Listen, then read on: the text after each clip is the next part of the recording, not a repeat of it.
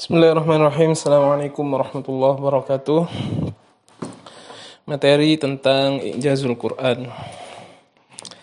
Makna mukjizat sendiri adalah amrun khariqun lil adah, sesuatu yang di luar adah, sesuai di luar kebiasaan, makrunun bit tahaddi yang disertai dengan uh, apa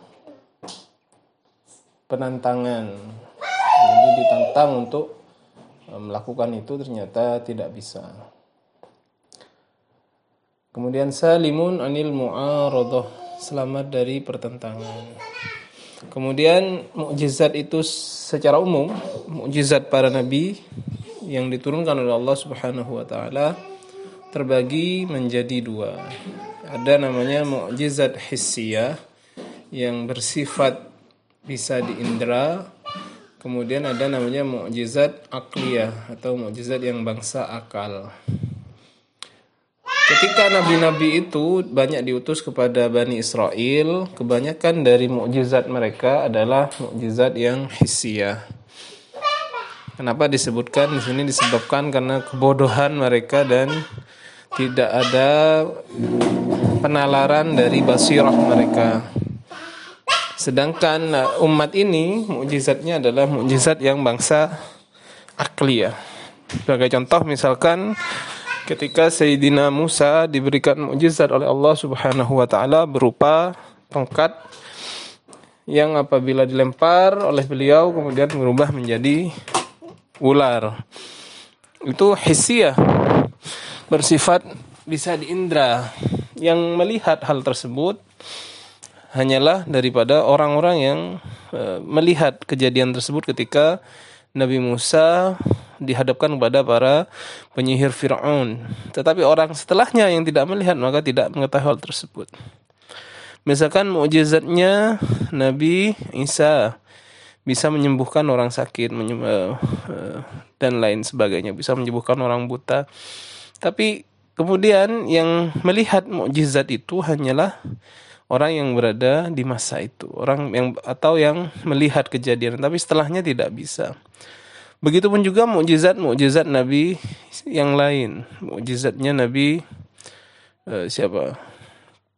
Nabi Ibrahim tidak bisa, tidak mempan dibakar. Hanya dilihat oleh orang yang melihat kejadian itu. Tetapi mukjizat uh, kita umat Islam mukjizatnya Nabi Muhammad Shallallahu Alaihi Wasallam adalah bersifat akliyah.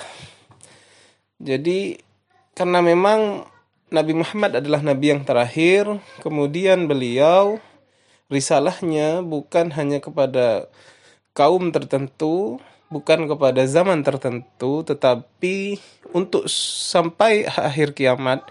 Makanya diperlukan mukjizat yang bisa memberikan tantangan dari waktu zaman ke zaman. Dan itu cocoknya adalah mukjizat yang bangsa akal. Terbukti sampai sekarang kita ditantang oleh Allah Subhanahu wa taala untuk mendatangkan seumpama Al-Qur'an, untuk membuat seumpama Al-Qur'an, bahkan dibuat seumpama satu surah dalam Al-Qur'an sampai sekarang itu tidak tidak ada yang bisa ada beberapa orang yang mengaku-ngaku seperti nabi sebagai nabi ya. Misalkan ada Musailamah al-Kadzab ketika dia bilang saya bisa mempunyai wahyu dari Allah.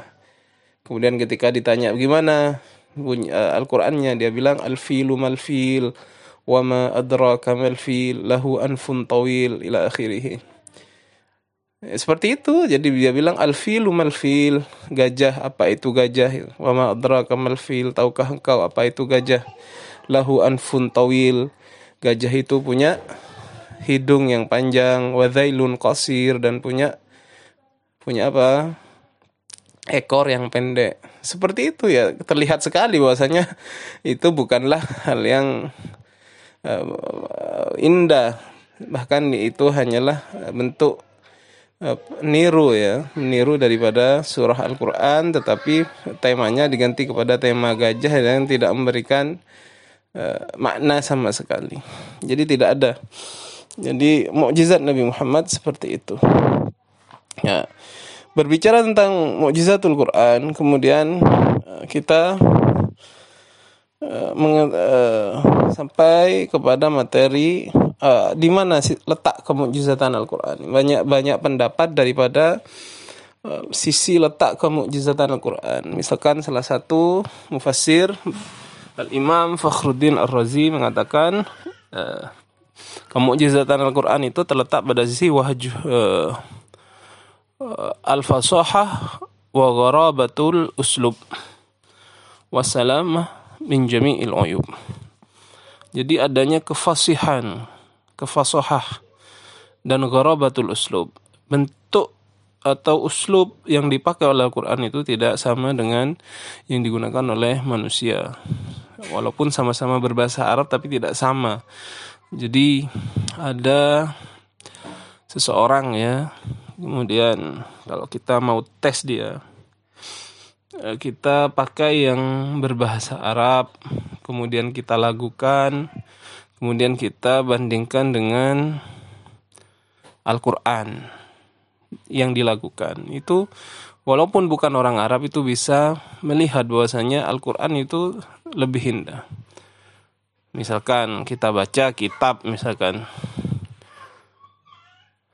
Misalkan saya baca Al-Quran surah terpendek Bismillahirrahmanirrahim Inna a'tainaka al-kawthar fasalli li rabbika wanhar inna syani'aka huwal abtar Oke, kita perdengarkan uh, surah ini kepada orang kafir misalkan orang yang tidak pernah membaca Quran. Kemudian kita baca juga As-sahih walladhi alaihi al-jumhur wal hadzak fi wajhi ijazihi أنه بنظمه وصحة معانيه وتوالي فصاحته فصاحة ألفاظه Nah ini pernah dites seperti itu ya Membaca Al-Quran ada orang mencoba begitu Ternyata sekalipun orang kafir itu melihat bahasanya Al-Quran itu lebih terdengar indah di, uh, kepada mereka Ini orang yang sama sekali tidak mengetahui bahasa Arab bisa membedakan itu. Apalagi kita orang yang sudah sering membaca Al-Quran. Tentunya sangat bisa menikmati keindahan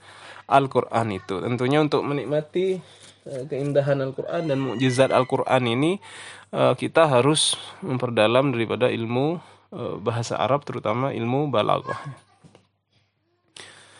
Kemudian ada salah satu kaul yang mengatakan bahwasanya mukjizat Al-Quran ini Eh, dinamakan ada yang mengatakan teori asirfah. Teori asirfah ini mengatakan bahwasanya sebenarnya manusia bisa membuat sebagaimana Al-Qur'an tetapi oleh Allah Subhanahu wa taala menurut teori ini orang itu dihilangkan yaitu eh, kompetensi ke kemampuan untuk mendatangkan semua. Jadi misalkan begini. Ada orang kita tantang dia untuk apa misalkan disuruh lari tapi tangannya kita ikat apa kakinya kita ikat kita ikat dia di pohon. Ini gimana bisa lari begitu?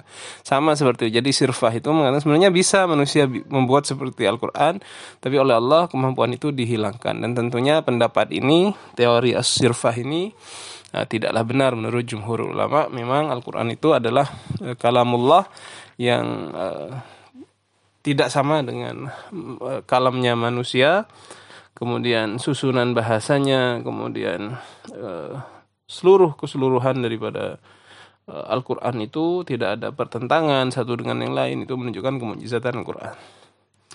Kemudian ada lagi sisi aspek kemujizatan Al-Quran ya, yaitu aspek uh, bagaimana Al-Quran di zaman Nabi itu misalkan memberikan khabar tentang uh, hari yang akan datang masa depan. Misalkan firman Allah dalam surah Ar-Rum itu.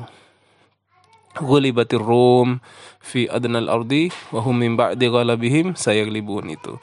Itu waktu uh, turun ayat itu itu belum belum selesai perang antara Persia dan Romawi. Tetapi Al-Qur'an sudah memberikan kabar bahwasanya bahwasanya Romawi akan menang dan Persia akan kalah dan orang Islam pada waktu itu akan bergembira karena yang menang adalah masih orang yang uh, ahlul kitab lah dikatakan orang yang masih beragama Nasrani daripada uh, kaum Persia yang tidak mempunyai kitab atau agamanya adalah agama Majusi. Jadi seperti itu. Baik saya kira itu uh, apa komentar saya tentang ijazul Quran. Terima kasih, mohon maaf. Wassalamualaikum warahmatullahi wabarakatuh.